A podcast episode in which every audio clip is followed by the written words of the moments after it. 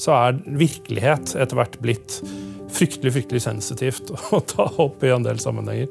Uh, og, og, du får fiender av det. Ja. Virkeligheten er kontroversiell. I en virkelighet som vår så er det enda viktigere å lese bredt for å kunne tenke dypt. Og jeg vil oppmuntre alle til å følge deg på Facebook. Velkommen til Tøyes Toyes time. Og I dag har jeg med meg Simen Sandelin, som er samfunnsdebattant. Han er prominent medlem av Asker Høyre og sivilingeniør. Velkommen, Simen. Takk skal du ha. Takk skal du ha. Hva mener du er demokrati? Hva er det som er demokrati for deg? Det er jo folkets interesser eh, som demokratiet bør styre etter. Og hvis folket sier at de egentlig ønsker at samfunnet skal gå i en gitt retning, og man ender opp med å ikke ta hensyn til det, mm. så, så, så, vil det sannsynligvis eh, skape eh, spenninger og uro på lang sikt. Det har liksom vokst opp et vokst fram et gap i, innad i Vesten om hva er demokrati. Uh, dette ser vi på i en mengde ulike debatter, men mot det, hvis man skal karikere det, så står to ulike perspektiver. Det er det liberale perspektivet, som sier at uh, folkemeningen er farlig. Uh, folk vet ikke hva de vil ha. derfor så bør landet styres etter i en krysspress mellom marked, menneskerettigheter og rettsstatsperspektiver, samtidig som at du har et formelle valg eh, med ujevne mellomrom, altså mellom hvert fjerde år. Eh, men eh, la, oss ikke fokusere altfor mye på den biten. Og så har du de som er mer radikale, som gjerne vil at folket skal styre så mye som overhodet mulig, som ønsker at vi bør ha mer folkeavstemninger, at, at folkets stemme blir, blir, bør bli mer hørt. Men det synes ganske åpenbart at i mange land, bl.a. i Norge, så er det store deler av befolkningen som er misfornøyd misfornøyd med hvordan demokratiet fungerer. Jeg tror at Det er en rimelig måte å, å beskrive det på. Og Det er jo derfor jeg er så interessert i deg. For du er jo på mange måter underlig nok da, en, en representant for den konservative opposisjonen innad i Høyre. Jeg oppfatter deg som en lojal partimedlem. Du er ikke et problematisk partimedlem, men du er kanskje den som står aller tydeligst for den konservative verdigrunnlaget til Høyre. Og enda verre, du kommuniserer gjennom sosiale medier, gjennom da denne oppdateringen som du kaller mediekritikk. Eh, fortell oss litt, Jan, Hvordan i all verden kom du på denne ideen om at du skulle kritisere media i Facebook-oppdateringer, og hvordan ble det slik et fenomen? Det begynte vel i 2015. Uh, oh, det, hva skjedde i 2015? Det var jo under flyktningkrisen, dette her? Det, det var egentlig flyktningkrisen, ja. Alt det som hadde med innvandringspolitikk og sånne ting, var, var et sånt tema som jeg hadde uh, fortrengt veldig, egentlig. For det, er... Ja, for det, er, det, var jo eh, og er jo et tema som er vanskelig å gå inn i, pga. at det er veldig vanskelig å stå for et konservativt standpunkt og fremdeles eh, være politisk akseptabel for andre. Det er et farlig tema. Ikke minst i Høyre. Det er et, et farlig tema, og, og, for meg har det da den omleggingen av norsk innvandringspolitikk eh, prinsipielt sett skjedde, som jeg mener var på slutten av 80-tallet, egentlig, eh, så var det noe som skurret for meg med den, de beslutningene som ble tatt, og, og de, de, debattene man ikke hadde om hva konsekvensene av en, eh, en endret innvandringspolitikk ville representere. Men, men, det var også helt åpenbart for meg at ved å stille seg på den kritiske siden av den debatten på det tidspunktet, så var det i praksis et ja, det var yrkesforbud. Jeg var ung mann på vei inn med studier og sånne ting. Hvorfor skulle jeg på en måte ta et ståsted i en samtale som, som åpenbart var så eh, brennmerket og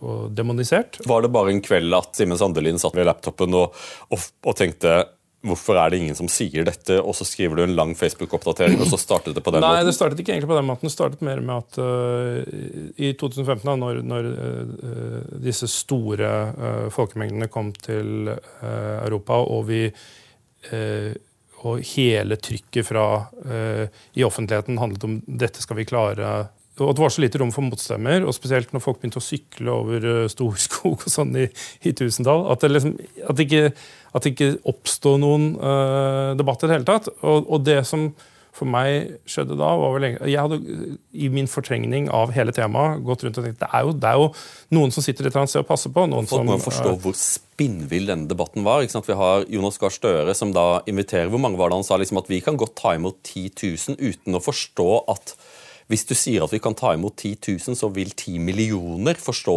at dørene til Norge er åpne. Underlig at han ikke forsto det på egen hånd. Så får og så får du også akademikere sånn som Viktor Nordmann, som da sier ja, vi kan ta imot 100 000, vi.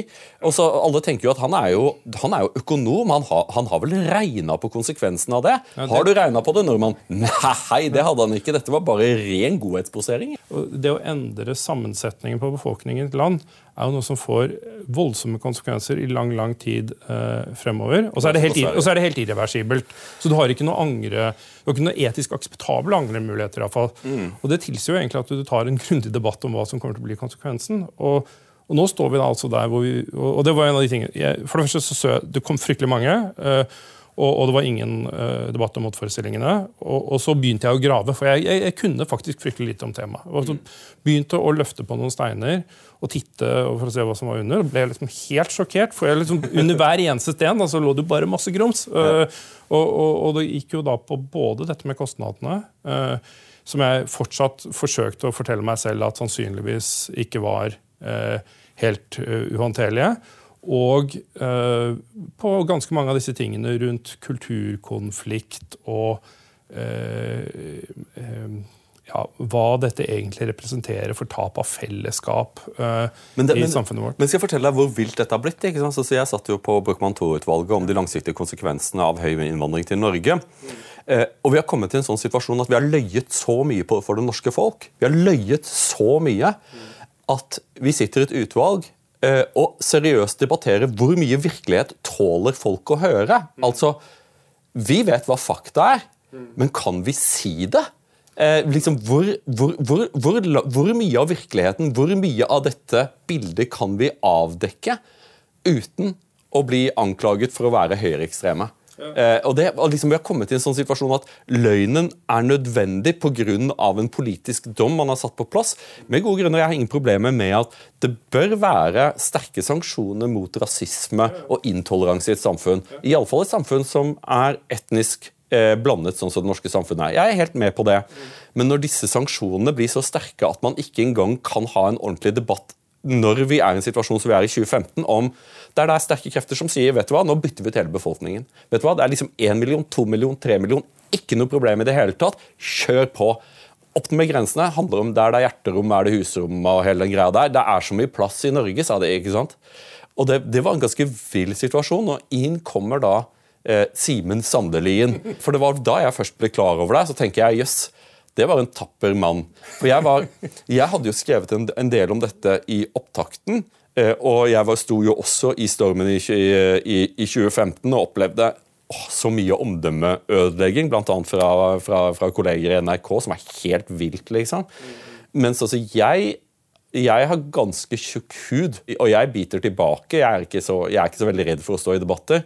Men så tenkte jeg, hvem er denne tapre mannen fra Asker? Hva var det som fikk deg til å vasse ut i noe så kontroversielt? For du, jeg kjenner deg jo litt, og du er jo en ganske sindig og forsiktig mann på mange måter. Nei, men jeg, jeg, har, jeg har, nok alltid hatt uh, Jeg har vært den typen da jeg også Jeg vokste opp i et kan si, dannet miljø på Slemdal og uh, i en høyere bastion, sånn sett. Uh, det var bokhyller i hjemmet? Det var bokhyller i hjemmet. Jeg har hatt en trygg og god oppvekst.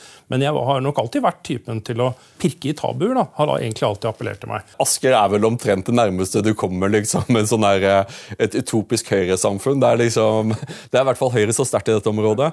Innvandring har blitt krukset som trekker veldig mange andre debatter inn i, inn i seg, og du startet i innvandringsspørsmålet. Eh, kan du snakke litt om hvordan den debatten har utviklet seg i løpet av de årene siden du startet med din mediekritikk, og, og fremover til i dag? Ja, altså Det har egentlig skjedd mye positivt i selve debatten. da, eh, Hvor vi vel var på et stadie rundt 2015 der det fortsatt var mange som forsøkte å hevde at det kunne være en investering i fremtiden. Og, at, mm. eh, og du, du, fikk høre sånne argumenter som at uh, innvandring fra uansett omtrent hvor du kom fra, ville være uh, hjelpe oss med å ta vare på de gamle og, og, sånne ting. Og mye av det føler jeg det er ingen seriøst som bruker, tør å bruke sånne argumenter, for de er så lett å, å plukke fra hverandre. Ja, økonomisk så er det galt, Mathias. I alle fall Høy innvandring av lavskolert arbeidskraft fra fremmedkulturelle land er et regnskap som ikke går opp. Det har vi tall på. Så Du må ha et demokratisk flertall som ønsker å eh, sette bærekraftsmål for innvandringspolitikken. Og faktisk eh, få ned volumene av den typen innvandring som vi ser ikke fungerer.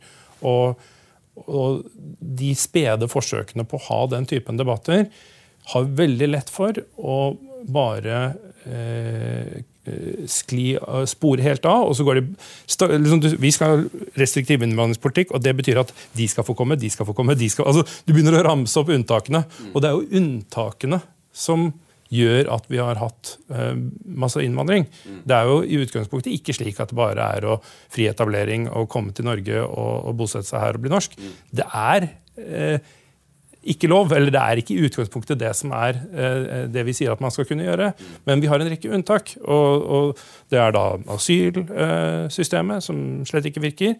Og så er det Eh, disse mulighetene for å få opphold på humanitært eh, grunnlag dersom du har eh, klart å komme deg hit og klort deg fast lenge nok til at vi syns det er fryktelig ubehagelig å kaste deg ut.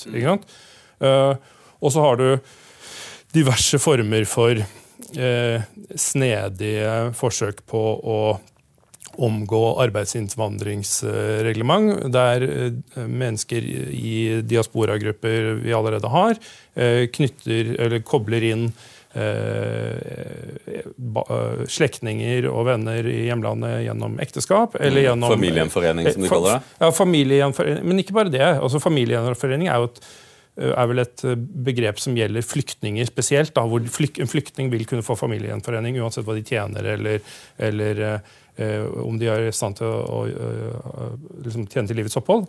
Mens uh, hvem som helst som er, har blitt norsk statsborger, men som kanskje kulturelt sett ikke tilhører Norge på noen meningsfull måte, eh, kan jo gifte seg med en person fra et annet land. Og det er jo noe som har utrolig stor økonomisk verdi eh, eh, på ekteskapsmarkedet i hjemlandet, og kunne hente noen til et vestlig land. Mm. Så, så, så den muligheten for å, for å, gifte seg med noen i et annet land, den er jo uh, noe som bidrar til at mange kommer flyttende hit. Og så har du, så har du kvoteflyktningene, som det, er, partiene på venstresiden, sånn som Venstre, MDG, SV, kjemper jo alltid for å få opp så mange kvoteflyktninger som overhodet mulig. Ja, og det, Kvoteflyktninger er jo da Det blir beskrevet i debatten som noe som er eh, mer rettferdig overfor flyktningmassen Hvis du ser på den store, brede massen av flyktninger, er det bedre at man plukker ut noen vilkårlige fra eh, et annet land og gir de opphold, enn at det er de freidige som på en måte uh, forsøker å bryte seg inn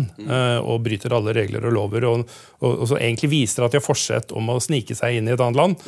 At det er de som skal få godkjenningsstempelet og komme gjennom systemet. Så man kan si at, Og det er bedre da også at du henter kvoteflyktninger, enn at folk skal kunne komme, altså Folk måtte reise over eh, Middelhavet. og alt mulig sånt. Og Det er en slags form for logikk i, i, i, det argumentet. Men folk slutter jo ikke å reise over Middelhavet og forsøke å snike seg inn. For det første.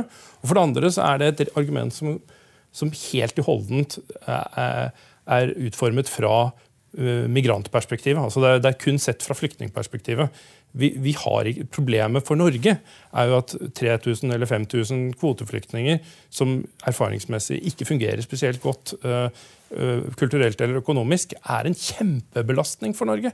Det er så stor belastning at hvis du, hvis du ser på det bare det økonomiske, da, som jeg har forsøkt å regne litt på, så kunne vi jo ha uh, tatt hvis vi, hvis vi, sier at jo da, vi skal, ta, vi skal ha 5000 kvoteflyktninger hvert år, så vet vi at flyktningbakgrunn en mann med flyktningbakgrunn i henhold til SSB koster ca. 20 millioner kroner per person gjennom et livsløp. Uh, hvis vi gjør da dette uh, ett Hvis vi avskriver denne kostnaden hvert år vi tar imot 5000, så blir det 100 milliarder, da, grovt sett. Hvis jeg på venstresiden, sier at jeg, liksom, jeg er venstreliberal, så sier jeg at men Simon, liksom, vi kan ta imot en million mennesker, og så sier du ja, men det kommer jo ikke til å gå bra og så går det til helvete. Og så kan jeg si at det er din rasisme som gjorde at dette ikke fungerte. Det er jo du som er skyld at dette ikke fungerte. Jeg sitter jo da i et perspektiv som Jeg kan ikke tape denne debatten. Bare vil fullføre det økonomiske resonnementet. For det som, så, det som, er så, fascinerende, er at hvis vi faktisk sier at vi er villige til å bruke 100 milliarder kroner i året på å ta vare på flyktninger, så er det jo faktisk nok penger til å fullfinansiere flyktningleire i eh, Afrika og Midtøsten og de stedene hvor flyktningene eh, faktisk har sin opprinnelse. Og, og, løse hele problemet. Altså, Norge sammen med et annet land eller noe som er villig til å bruke så mye penger, eh, kunne tatt vare på alle de 70-80 millioner menneskene i verden som ja, er på flykt. Men da vil jeg da si, si at jeg, da er jeg Stortinget og sier ja, men vi kan gjøre det også. Ja, nei, vi kan jo ikke det. For det, det, igjen, vi, vi, har, vi har en igjen tilbake til dette med fiskal ansvarlighet. Vi, vi er uh, hvis du kjenner dette haikjeft-begrepet som Finansdepartementet bruker. Offentlige inntekter uh, synker, og offentlige utgifter vil stige i årene som kommer. Alle vet dette her.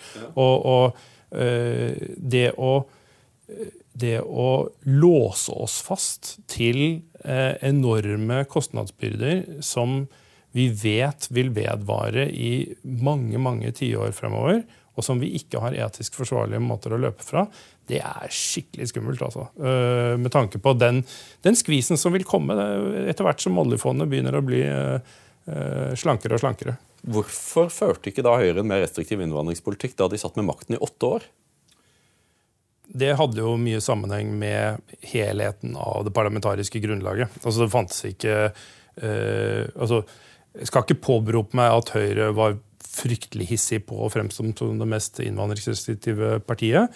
Men eh, det ville jo ødelagt eh, regjeringen til Erna hvis, eh, i relasjonen med KrF og Venstre. Ja, Ville det det? For det liksom, tar på ACER da. ACER var heller ikke noe som Stortinget ville ha, men gud bedre Høyre fikk det til. Sammen med, sammen med Frp, liksom. Det som jo må være det mest idiotiske tilfellet av offentlig administrasjon i nyere Så de, de får til ting hvis de virkelig vil, har jeg inntrykk av. Ja, ja. Eh, jeg er jo enig i at eh, det har skjedd eh, feilgrep på den energipolitiske ja. Mistakes have been made. Ja, men, men, jeg har ikke lyst til å være for, for kritisk til partiledelsen. Men, men, og, og, men, det viktige i, det, og, i energipolitikken, som jeg føler også har gått over stokk og stein med tanke på hva folk egentlig har interesse av, mm så er det litt viktig at vi nå i alle fall kommer til det, eh, den erkjennelsen at vi må begynne å høre på hva folk vil, eh, og hva de ønsker seg. Og, og, folk vil ikke ha høye strømpriser. Nei. La oss ta det som et utgangspunkt. Det, det, det, er veldig veldig tydelig at det er ikke noe folk vil ha. Og da må vi, da må vi, finne, da må vi sette oss ned og finne ut hvordan, hvordan kan vi gi folk den Eh, en forutsigbarhet basert på det strømprisnivået som vi var vant til å ha i Norge. For det har vi. Vi har forutsetning for å gi våre borgere den strømprisen og det prisnivået som, vi hadde. Det betyr ikke nødvendigvis at, Norge skal slutte å ha eh, merverdiinntekter fra eh, eh, salg av strøm, men må, vi må få gjort noe med strømprisen. Ja, nei, men Det var litt sånn morsomt, jeg kom nettopp fra, fra Japan og snakket med en, en gammel venn av meg som jobber jo med med kraftverk i Japan. Og, og, og Han hadde sett litt på Norge og syntes hva, hva i all verden er det dere driver på med? Og Så sier han at dere vet det at eh, det som karakteriserer ideologiske regimer, er at de klarer å skape mangel på varer det er overflod av. Det er, det er liksom det, er, det vi har sett i kommunismen, men nå klarer liberalismen også å skape mangel på ting det er overflod av. Liksom dere, her er, har dere et land som er er så velsignet at dere er heldekka med ren, med, med, med ren strøm. Mm, mm. Og nå har dere da kommet til et punkt at de bygger kullkraftverk for, eh, på kontinentet for å selge strøm til Norge pga. at dere eksporterer strøm. Og så sier han liksom Men forstår dere ikke? Kraftverkene bør være plassert slik at de, at de server sine klynger. Kraft bør ikke eksporteres over store eh, Det er for mye tap av strøm når det eksporteres strøm over store distanser. Ikke en bra måte å drive det på. Hvorfor har vi ikke forstått dette? Høyre er jo et parti som har den blå fane og som kaller seg konservative, men det virker jo som at, eh, at, eh, at dette partiet er ganske langt nede i fordøyelsessystemet til et, et venstreliberalt prosjekt, og at eh, dere som er konservative, er bare stemmekveg i dette partiet. Så liksom, når det er valg, så sier vi ja, vi vil ha de konservative også, men når, når regjeringen skal skrus, hvor mange konservative finner de plass til i regjeringskabalen? Hvor mange konservative saker vil Høyre prioritere null. Ikke sant? Ja, men Du og jeg kjenner både konservative uh, mennesker i, i, Høyre, så la oss ikke uh, rive Høyre som konservativt parti helt, helt i fillebiter. Men jeg er enig i at Høyre har blitt tilsynelatende blitt trukket noe mot venstre. I, i, og det kan fremstå som en jakt etter velgere som, som Eh, oppleves å være glad i sosial omfordeling og velferdsstat. Og, og så er det dette overflodsdilemmaet i Norge hvor det å snakke om fiskal ansvarlighet når vi har et stort oljefond, er ganske vanskelig. Du, for du blir nødt til å snakke ordentlig langt frem i tid. En, en diger offentlig sektor. Uh, vi har for så vidt råd til det akkurat nå, uh, i et sånt kort perspektiv. Men det setter oss opp for en hestekur av dimensjoner den dagen eh, det begynner å knipe litt mer. Det er ikke egentlig en strukturell konstruksjon av et samfunn som eh, har eh, langsiktig levedyktighet. Det vil før eller siden måtte eh, nedskaleres, og det er en mye mye tøffere jobb å få til enn å bare hindre eh, den offentlige sektoren i å ese ut, f.eks.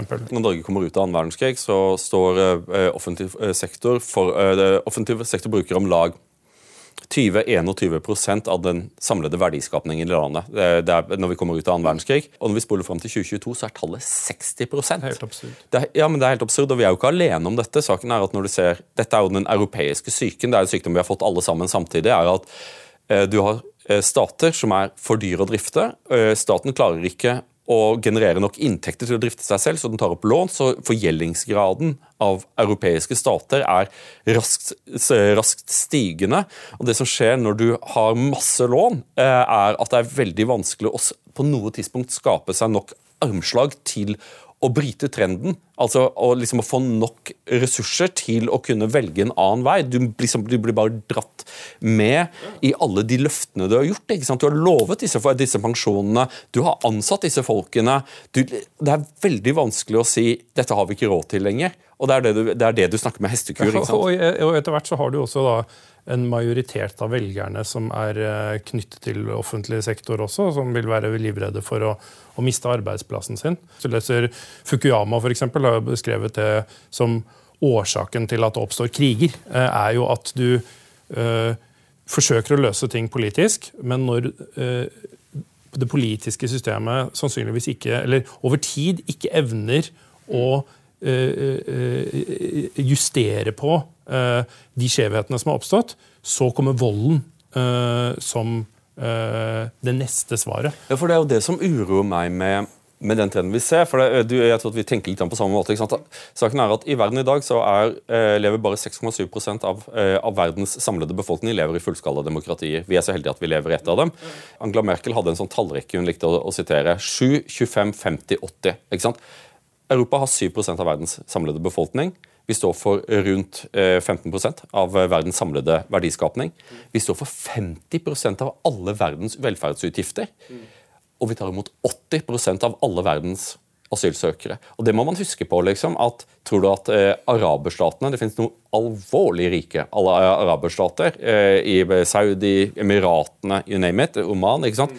Tok de imot mange migranter fra borgerkrigen i Syria? Nesten null. Nesten null. Ja. Og jeg skal ikke det, si at jeg, De er jo ikke noen rollemodell. De er jo ikke noen, de de ikke noen rollemodell, mens tar de imot mange asylsøkere? Nei. Det å ta vare på eh, det landet man har, eller gjøre det som folk vil ha, er på en måte blitt uh, snudd til å bli noe som man helst ikke bør få lov å mene, og helst ikke bør få lov å snakke om. Og så har man satt seg moralske mål eh, som er eh, at vi skal være best mulig for alle andre i hele verden, på bekostning av eh, landets egen befolkning. Hva er vår langsiktige interesse? Er det en, en, ensidig å fokusere på å løse globale klimaproblemer og å være mest mulig raus overfor mennesker andre steder i verden som har det vondt?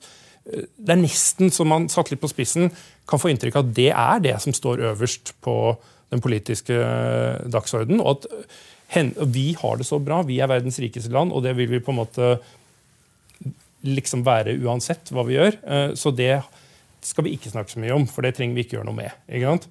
Og, og, da får du eh, Da vil vi gradvis slutte å være verdens rikeste land eller verdens beste land, Ofte når du leser i norske medier, og når du, når du leser norsk forskning og du, når du hører fra det norske sivilsamfunnet, så får du inntrykk av at Norge er en NGO.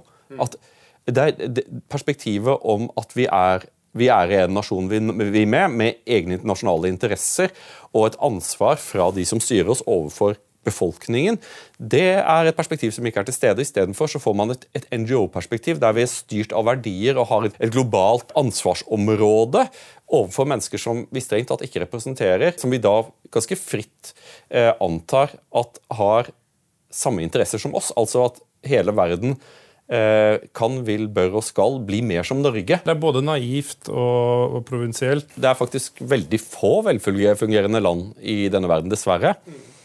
Og Spørsmålet er om det blir noe bedre av å gjøre de få landene som er velfungerende, dysfunksjonelle, sånn som svenskene har gjort. Eh, jeg tror at fremtidens historikere vil undre seg over hvordan det som var kjent som verdens mest velfungerende samfunn, raserte seg selv i løpet av bare to-tre tiår. Mm. eh, og dette er jo ikke eh, bare les, les, indeksene. Sverige er i frifall på sånne ting som Human Development Index, Democracy Index. Eh, liksom, der Sverige hadde liksom slått opp telt, og eh, de eide disse posisjonene i mange mange år. Og så plutselig så raser de, ikke sant? Det at vi ikke klarer å eh, bruke Sverige som eh, et advarselens eksempel i forhold til spesielt da innvandringspolitikk, eh, og at det fortsatt blir eh, forsøkt tåkelagt eh, på den måten eh, som de gjør, det, det, er jo en av de tingene som jeg virkelig har reagert på.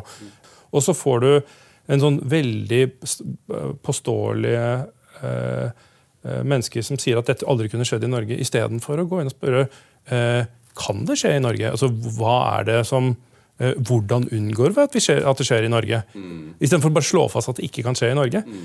Og, og og Det som er påfallende, er at du, du kjenner jo eh, Tino Sanandaji, eh, den svenske ja, ja. Eh, eh, samfunnsøkonomen som har eh, vært veldig vesentlig for å på en måte hjelpe svenskene litt videre med sin innvandringspolitiske eh, debatt. Mm. Og Han var jo her og besøkte Civita for noen år siden. Mm. Og da snakket han om det der med at da franskmennene hadde store opptøyer i, sånne, i sine banlieues rundt årtusenskiftet. Mm, forstedene utenfor ja, Storbritannia. Ja, ja, så, kom, så kom da franske forskere til eh, Rosengård og, og Malmö og, eh, og Rinkeby og disse stedene her for å se hva svenskene gjorde riktig. For de hadde ikke hatt det ikke sant, på det tidspunktet. Eh, nå kommer jo ikke de lenger, sa han litt sånn hånlig. Sverige fikk jo EUs integrasjonspris og ble løftet fram som det eksempelet som alle land i EU måtte lære av. Hvordan liksom se hvor fantastisk innvandringspolitikken fungerer i Sverige. De fikk en ja. pris. Ja, Så du har da på en måte så Istedenfor å se Sverige som et kontinuum, hvor du på en måte har mye innvandring, og du er i et stadie før opptøyene begynner, og så kommer du til det neste stadiet som franskmennene var på, med opptøyer. Og at Norge tilsvarende, på tilsvarende måte også kan være i en stadium nå hvor vi har eh, rikelig med ressurser å bruke på, og, eh, på integrerings- og assimileringsproblemer, men fortsatt har masse kommuner i landet vårt som har eh, utenforskapsområder, eh, eh, nabolag eller hele bydeler som er eh, som har fullstendig eh, altså, Som ikke ligner på Norge lenger, for å si det sånn. Og, og hvor det er akkurat de samme gryende problemene. og hvor det over, mest sannsynlig over tid vil uh, kunne utvikle seg til å bli på samme måten. Uh, vi, vi, snakker ikke om det på den måten. Det, det liksom, vi, vi, vi, stikker bevisst hodet i sanden og sier at nei, det kommer ikke til å skje her. Det er, det er også pga. at innvandring, uh, innvandringsbefolkningen, spesielt de som er mindre integrerte, samler seg i visse områder. Jeg tror for eksempel, hadde en veldig hyggelig samtale med Jon Bislett om dette. Jeg tror at En av grunnene til at, at Klassekampen av alle har vært en målbærer for en ganske sånn realistisk syn syn på innvandring er nettopp pga. at redaksjonen deres ligger på Grønland. Eh, Michelet liksom snakker om at han går til jobben også liksom og, og, kommer på jobb som redaktør og tenker fanken, dette går jo ikke lenger! Det, det, det, sånn skal vi ikke ha det. ikke sant? Jeg tror vel også Mimir Kristiansson og, og Brånen og sånne ting har vært uh, flinkere til å se det der aspektet med at eh, fellesskapsfølelse og, og solidaritet og samhold har eh, handler også om å ha fellesnevnere. Og hvis du skal i det hele tatt ha noen tanker om eh, et, et veldig, veld, veldig, tett sammensveiset folk, som vel de har, eh, og, og, og, veldig omfattende eh, velferdsordninger som har aksept i befolkningen, så må jo folk føle at de hører sammen. Eh, så jeg tror det går opp noen lys for dem også. Jeg er jo veldig opptatt av nasjonsbygging, at vi må få denne befolkningen til eh, ha tilstrekkelig sympati med hverandre til å føle at solidaritet er det naturlige. Eh, og da må man ha eh, ganske sterke assimileringsmekanismer. Jeg liksom, Glem integrering, jeg er på assimilering. Eh, frivillig assimilering, veldig viktig. Frivillig, ikke ufrivillig. Men sånn at det er jo det som frustrerte meg da jeg satt på Brochmann-utvalget. sånn som Jeg fikk jo aldri gjennomslag for det. Men sier liksom, hvorfor kan, vi har jo tall på dette. Hvorfor kan vi ikke bare si til innvandringsbefolkningen at ikke sant, i Norge så kan du leve sånn som du vil, og det må du bare gjøre. Men vær klar over at hvis du går med hijab, så er sjansene for at du kommer til å få jobb, det er redusert med en hel haug med prosent. Hvis du nekter å ta kvinner i hånden, igjen så er sjansene for at du kommer til å få en fast jobb, mye lavere. Hvis du har en fast jobb, så er utsiktene for dine barn blir dramatisk mye bedre hvis du står i et fast arbeidsforhold. Liksom, Eller hvis du lærer deg norsk språk. Lærer deg norsk språk, for det, alle som kommer til Norge, ønsker jo at barna deres skal lykkes. Eh, det er, et tøft valg å, å, å utvandre, men liksom det å signalisere at i dette samfunnet her så kan du lykkes, men da må du spille etter nordmennenes spilleregler, for dette er du som har innvandret til Norge. Og her er triksene. ikke sant? Lær deg språket. Kle, kle deg sånn som så, så, så, andre. Forsøk å integrere deg så mye du kan i kulturen. Folk er ganske tolerante for at du må gjerne praktisere din religion, du må gjerne verdsette din egen kultur, men pass på eh, og vær så norsk som det du makter å være. Eh, da, kommer du, da, kommer du, til å lykkes her, sannsynligvis. Altså, det, det, det, jeg er jo helt enig med deg. Altså, det er uh, naturlig assimilering som er uh, altså, Ikke integrering, men assimilering som må være målet fra et fellesskapsperspektiv. Og det må skje naturlig, men dilemmaet er at det tar veldig lang tid.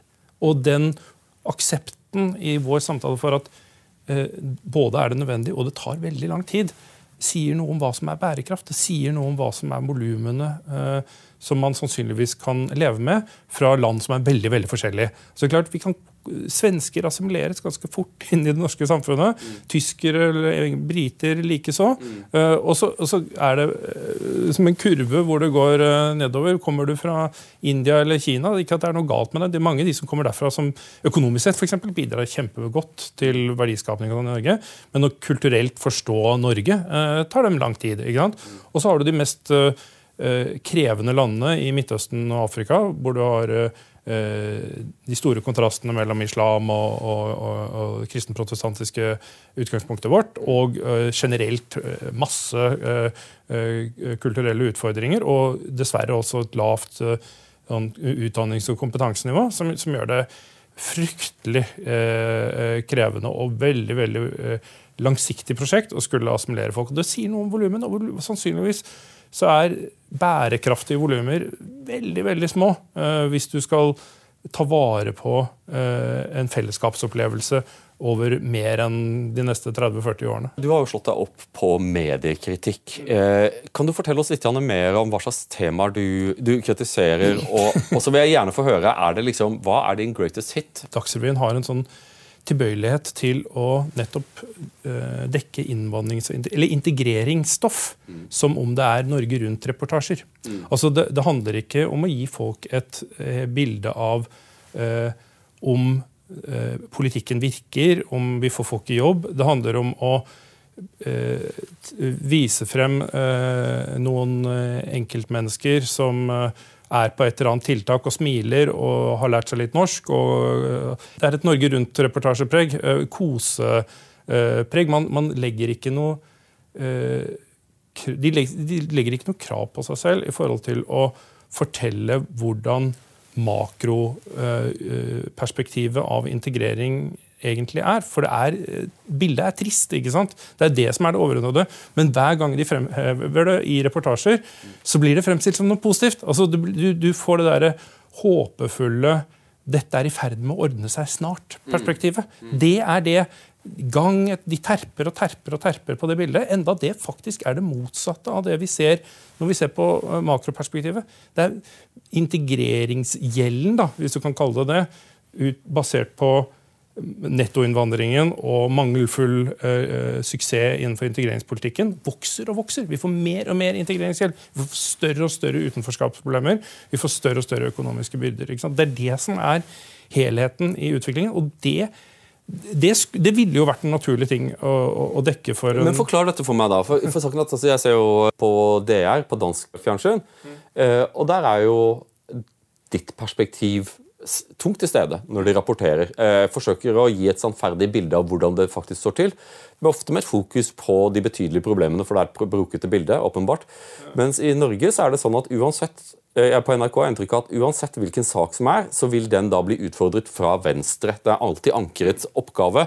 Hvis Norge tar imot eh, ti, eh, så er det hvorfor ikke flere? Hvis man tar imot 10 000, hvorfor ikke flere? Hvis man tar imot 10 millioner, så innbiller jeg meg også at NRK-spørsmål vil være Men har vi ikke råd til å ta imot 20? Uh, og liksom, Hvorfor er det sånn at alle spørsmål knyttet til innvandring skal utfordres fra en tenkt venstreside, som jeg er ganske sikker på at mange, de fleste fra venstresiden ikke bekjenner seg til engang? Hvordan kom vi dit? Jeg tror jo altså, det, det har noe med, uh, tror jeg uh, internkulturen i, innenfor norsk medievirksomhet. At det, sannsynligvis er det mennesker der som er spesielt opptatt av at Eh, og har spesielt hatt historisk i hvert fall, veldig høy tro på at eh, innvandring eh, er noe saliggjørende og mer eller mindre et moralsk imperativ. Og, er opptatt av å skulle forsvare det med nebb og klør. Og der de ser på en liberal innvandringspolitikk som en form for demonstrasjon, en antitese til det å være rasist eller det å være øh, menneskefiendtlig. Du må jo gjerne mene det, men du er jo fanken døtte meg journalist her. Hvordan kan, i all verden kan de slippe unna med å ikke gjøre jobben sin? Jeg tror jo fortsatt det at det rett og slett er sånn Du har en debatt om innvandring, og den har vært veldig veldig låst i migrant- og flyktningperspektivet. Altså, du dekker det Selv Fremskrittspartipolitikere som er eh, innvandringskritiske, har sett seg nødt i politiske samtaler om eh, flyktninginnvandring f.eks. For og forsvare eh, sitt perspektiv ut fra at ja, da blir det færre som dør i Middelhavet. Altså, du snakker, hvor, Hva gjør vår politikk uh, for flyktningene? Altså, hvorfor er vår politikk også det beste for flyktningene? Altså, du, du snakker ikke om samfunnsperspektivet i det hele tatt. Altså det, har ikke, det har vært en disconnect der. så Når du ser disse opptøyene i, i, Sverige og lurer på hvordan vi skal styre unna det i Norge, mm. så er det fortsatt sånn at det er tette skott der. hvor du, du får ikke eh, vi har fortsatt ikke en aksept for at det umiddelbart kan slå over på vår innvandringspolitiske debatt her. og det, Dette må jo få konsekvenser for innvandringsdebatten. for det er kun der vi åpenbart har reguleringsmulighet for å hindre å havne i svenske tilstander, eller, eller vice versa, når noen da snakker om 5000 eh, kvoteflyktninger, så, så, sliter vi med å trekke inn samfunnsperspektivet, kostnaden, eh, alternativbruken av de pengene, eh, hvem det går på bekostning av. Hva slags aspekter ved norske medier er det du ofte kritiserer når du skriver om dette på Facebook? Når mediene fremstiller et konservativt perspektiv, så, så kjenner jeg meg veldig sjelden igjen i mitt eget ståsted, slik det blir forklart. Mm. Og og der mener jeg at eh, det begås store synder. Hvis du sitter og hører Minerva-podden, hvor Aksel og, og Nils August snakker sammen om den siste ukens politiske temaer, så tar de ofte opp hva er det venstresiden mener om dette, hva er det meningsmotstand altså, De er jo konservative, men, men de, de, de, forsøker å fortelle hvordan de opplever ståstedet til meningsmotstanderne er. Mm. Og det er gjort med integritet og autentisitet. Altså, de forsøker etter beste evne å komme opp med hva er det beste motargumentet som Uh, meningsmotstanderne på venstresiden uh, ja. mener om en gitt sak. Det som er en rimelig måte ja, å debattere på. Det er den rimelige måten å debattere på. Men når jeg hører uh, Og det, det, går ikke bare på innvalg, vi har snakket mye om det, men det går på mange andre spørsmål som det går an å være, ha konservative tanker om når, når, jeg ser mediene forsøke å formidle hva de tror er mitt ståsted, mm. så kjenner jeg meg ikke igjen i det. Altså, det, er ikke, det, er jo ikke det jeg mener. Det er jo ikke det, er jo ikke det som er min eh, eh, mitt etiske fundament, eller grunnlaget for å, for å være bekymret La oss ta klimadebatten, da, for, for, å ta det på, på La oss, la oss for å hoppe over på den. Hvor det da brukes veldig mye ressurser nå på uh, ymse tiltak som man har en forestilling om at skal uh, lede oss mot et, et grønt skifte. Det er havvind, det er CO2.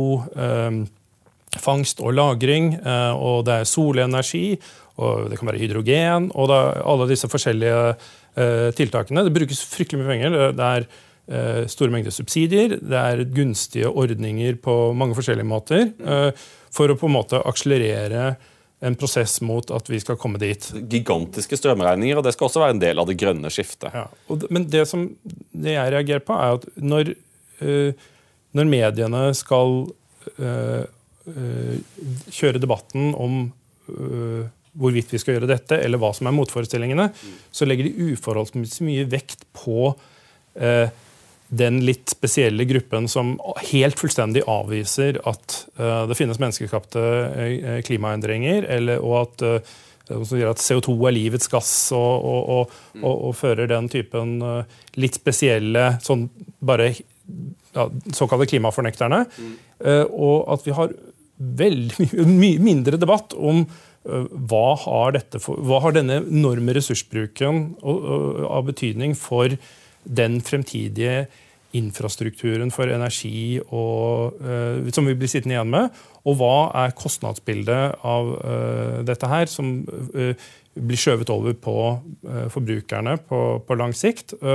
Og ikke, I et større globalt perspektiv, når hele Europa gjør dette, her, hva betyr det for politisk stabilitet på kontinentet vårt? Altså, det, det, det, kan fort være sånn at hvis du øh, kaster fryktelig mye kull på dette problemet her, uten egentlig å komme opp med så veldig mye annet enn noe som ser ut som å kunne gi symbolsk effekt, øh, så er det det du først og fremst oppgjør, opp, oppnår, det er å, å bruke veldig mye penger å gjøre folk uh, hverdag mye, mye vanskeligere. Og sånn sett skape forutsetningene for politisk uro og, og konflikt. Jeg har inntrykk av at norske mediebilder caterer veldig til én gruppe mennesker. Eh, universitetsutdannede, øvre middelklasse. Det er slik, eh, Når du ser på NRK, så får du se verden eh, fra perspektivet til offentlig ansatte, universitetsutdannede eh, mennesker. Samtidig som at ute i Europa så skal vi huske at en tredjedel av befolkningen har hatt en helt forferdelig pandemi. Det er den nederste tredjedelen. De hadde det ikke noe greit i det hele tatt. Det var ikke en ferie. De, de, bodde, de, var, de bodde, i små leiligheter og hadde det tøft. Nå kommer en ny krise eh, med, med, sanksjonskrisen fra Ukraina, samtidig som at EU har lagt seg opp på et gigantisk grønt skifte, eh, der man sier at man skal kompensere taperne, men det er helt klart at det er den nedre tredjedelen som skal tape igjen. ikke sant? For saken er at jeg kjøpte en elbil, da. Ja, men faktisk, jeg har knapt råd til å ha den bilen jeg har nå, liksom. Den skrebbete gamle dieselen min som jeg kjøpte for ti år siden. Jeg har ikke råd til å kjøpe den. Mens, mens det er løsningen. da, Bare bruk mer penger. Som er jo en sånn øvre middelklasseperspektiv. ikke sant? Det er folk som bør gå i seg selv. For det, det, er ikke, Da er man inne på et veldig veldig farlig spor. Men det er så fint, det er så godt å snakke med en annen konservativ. For det, det er sånn som konservative ser, er at ikke sant, du skal være forsiktig med å gå etter levebrødet til folk. Du skal være veldig forsiktig med å sette folk i økonomisk sjakkmatt. Folk, velgere, borgere, blir farlige hvis de føler at noen er ute etter å strype dem. Og enda verre hvis de føler at deres stemme ikke kan bli hørt. De kan ikke vinne denne debatten i politikken pga. at stem på hvem du vil, du får samme politikken uansett. Eh, Pga. det liberale syn på demokrati, om at dette handler om lover og regler og normer. Og, liksom at, og det alt sammen skal fortolkes av et sosialt sjikt som du ikke er del av. Du har ikke tilgang til det. Du, du, du tok ikke universitet, du ble ikke ingeniør, du. ikke sant? Du jobber i en helt annen del av økonomien, og nå er det tøft, og det kommer til å bli enda tøffere. ikke sant?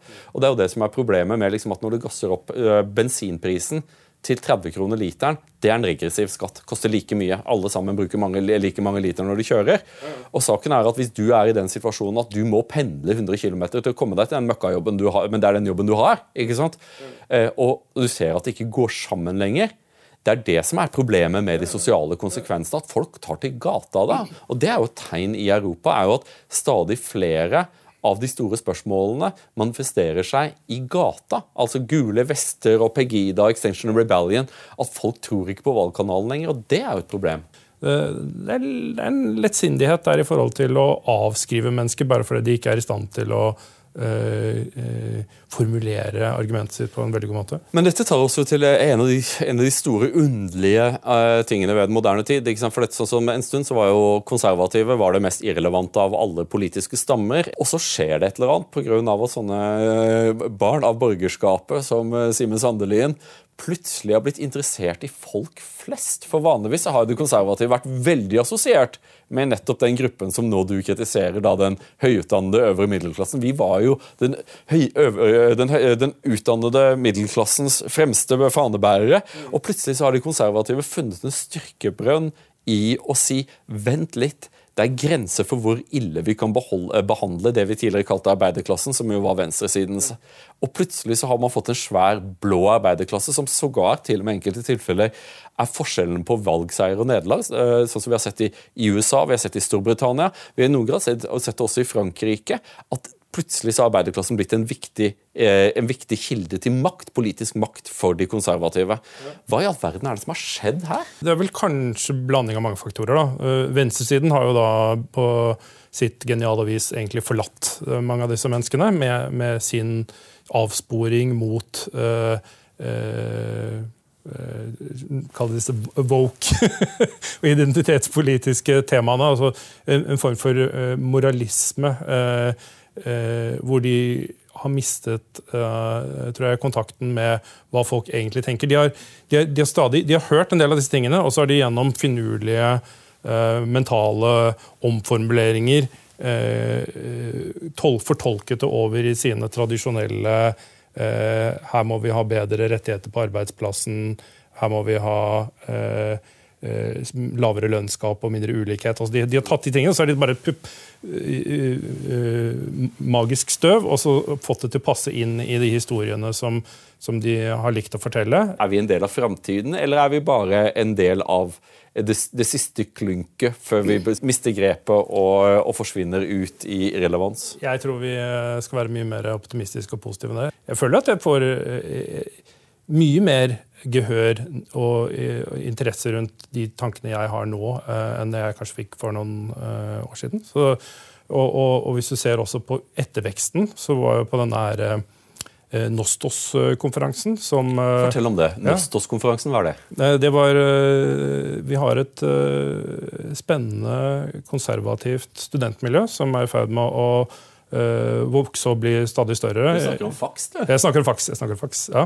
Uh, Foreningen for alle konservative studenter. Jeg syns det er et veldig fiffig grep det der at det ikke er uh, sånn Høyreungdom eller, eller Frp-studentene eller et eller annet sånt noe, men at det er en forening for alle konservative studenter, så du finner et fellesskap i konservatismen ja. istedenfor at det blir den rene partitilhørigheten.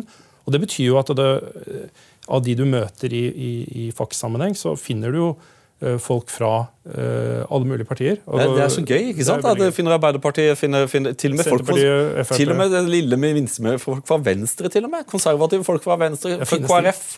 ja, Det er fantastisk. ja, det er akkurat det er veldig stas. Og, og nå dro de i gang et ordentlig Slo på stortrommen med et, en spennende konferanse uh, for et par uker siden, uh, hvor Eh, gjennomgangstemaet var eh, Roger Scruton, som jo er et eh, konservativt forbilde. Jeg har jo hørt stormende jubel om denne, om denne, konferansen. De som var der, var kjempefornøyde. Jeg var selv i utlandet.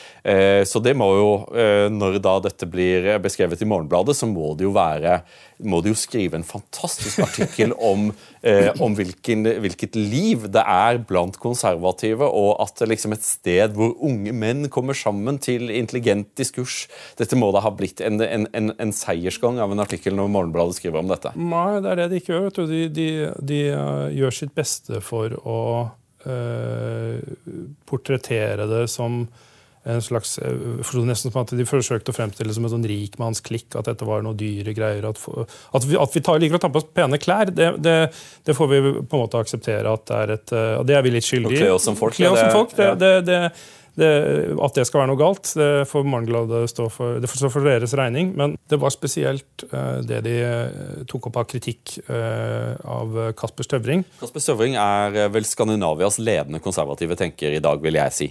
Han er en veldig spennende dansk uh, akademiker som uh, fremhevet behovet for å ta vare på fellesskap, og, og som så fremmedkulturell innvandring som en stor trussel mot både tillitssamfunn, fellesskap og, og, og velferdsordningene som vi har i, i samfunnet vårt. Og så sa han at de problemene som omfattende innvandring representerer, de vil ikke forsvinne over tid. Eh, de vil vedvare.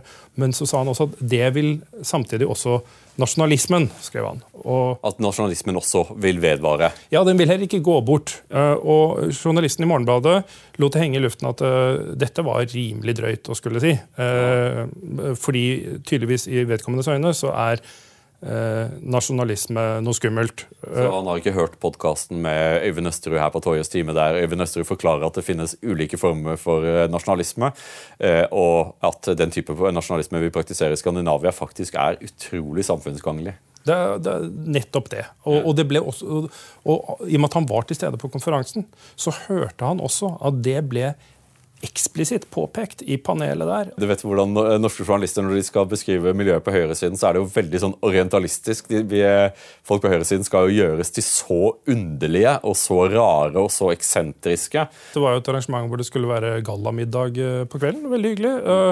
Og, og, da har folk uh, kledd seg Konservative. Du kan jo vanligvis kjenne oss igjen på klesdrakten, kan du ikke det? det? det? kan man. Om det skal være noe negativt, så får han uh, stå for det. Det jeg synes var litt mer merkelig, var at han forsøkte å fremstille dette miljøet som Det var jo masse studenter der, uh, og unge mennesker. og og, og, som måtte være noe, noe dyrt og, og, og, påkostet med chardonnay og, eksklusive måltider og sånne ting. Nei, så, de, de, brukte jo, de jo, brukte jo studielånet sitt, disse studentene, til å, starte, til å ha denne konferansen. og Det var jo drevet på som butikk, at alle fikk betale løse billett. og så hadde jo disse, De hadde brukt studielånet sitt som garanti for å kunne arrangere en konferanse, og så blir de kritisert for å være rikmenn. Jeg, jeg betalte 750 kroner for å dra på en uh, heldagskonferanse på hotell, hvor de formodentlig har leid et lokale. Serverer varm lunsj og gallamiddag med vin til. At dette skal være noe sånn uh, rikmannsgreie, uh, det var det slett ikke. Så, så budskapet er liksom bli konservativ, maten er bedre, det er klærne også? Ja, kanskje det. Kanskje det. Simen Sandelin, eh, du har jo andre planer i dag. Jeg synes at Du er jo en av de som har løst billett til Jordan Peterson i kveld. Jeg har ikke lest nok av Jordan Peterson. Jeg har sett en del av, eh, jeg har vel sett noen av foredragene hans på, på YouTube og sånne ting. Jeg får dårlig samvittighet, for jeg skulle ønske at jeg var like flink til å være sindig som Jordan Peterson. Han er jo en forbløffende sindig mann, også i møte med veldig urimelig kjip kritikk. Eh, jeg, eh, jeg, har en tendens til å bli forbanna når, når, folk behandler meg urimelig. Men Jordan Peterson er jo i disse dager også en svært konservativ eh, person i Norge. Han var jo hovedperson i en kansellering, kanselleringsforsøk av professor Gundersen ved Universitetet i, i Oslo. Hvordan, hvordan, ser du Jordan Peterson? Er, det, er han en inspirasjonskilde for deg? Ja, Han er jo en av de også har oppdaget da, eh, på min eh, konservative reise. Og, og, han er jo fascinerende, kanskje mest fordi han ved å si ting som er ganske åpenbare og selvfølgelige, og egentlig mine veldig lite kontroversielle, mm. likevel klarer å hisse opp uh, veldig mange mennesker. Uh, uh, og, og, det han egentlig bruker mye tid på, er jo bl.a. å snakke om en del sånne rammebetingelser da, for uh, hvor, hva vi kan få til med, med, med, politikk. og innenfor, Han er jo bl.a. kjent for å ha vært aktiv i denne her, uh, kjønnsidentitets- og kjønnspolitiske debatten. Og, og, og, hvor han sier sånne enkle ting om at det er forskjell på gjennomsnittlige forskjeller på kvinner og menn. Mm. Og så blir jo folk i fyr og flamme. Altså det, det, og, og, forsvarer dette her underlige ståstedet om at uh, Eh, kjønn er en eh, sosial konstruksjon. Eh, ja, for det, det, er litt sånn underlig hele for dette, Når jeg ser på Jordan Peterson, de tingene han forsvarer, han forsvarer vår kultur. Hvordan vi faktisk gjør ting. Han er jo, ikke, han er, han er jo bare en forsvarer av vestlig sivilisasjon. Ja. Hvordan vi faktisk organiserer våre samfunn. Og argumenterer for at dette er en klok måte å gjøre det på. Så tenker jeg at dette burde være det minst kontroversielle standpunktet som er mulig å innta, er å forsvare hvordan vi faktisk gjør det. Spesielt de tingene som faktisk funker. Eh, men allikevel eh, hyper. Og også i et forsøk i norske aviser så var det en student som forsøkte å konsulere sin egen professor ved at han hadde simpelthen referert til Jordan Peterson, og det mente hun var oppsigelsesgrunn. Er han ikke biolog, da? Og har nettopp den samme selvfølgelig faglige forankringen, og har vært også til stede ute og, og, og forklart helt sånne enkle sammenhenger om, om uh, kjønn og biologi og arv og, og, sånne helt enkle ting. da, Uten å gå veldig langt inn på de aller mest kontroversielle temaene som uh, eksisterer på det området. Men likevel så, så er virkelighet etter hvert blitt fryktelig fryktelig sensitivt å ta opp i en del sammenhenger. Uh, og, og, du får fiender av det. det ja. Virkeligheten er kontroversiell, og jeg tenker jo at i en virkelighet som vår, så er det enda viktigere å lese bredt for å kunne tenke dypt. Og jeg vil oppmuntre alle til å følge deg på Facebook og se dine innslag av mediekritikk. Det er noen ting som, eh, som iallfall jeg har vent meg til å humre litt av eh, på daglig basis. Simen Sandelin, tusen takk for at du kom på Toyes time. Takk for at jeg fikk komme.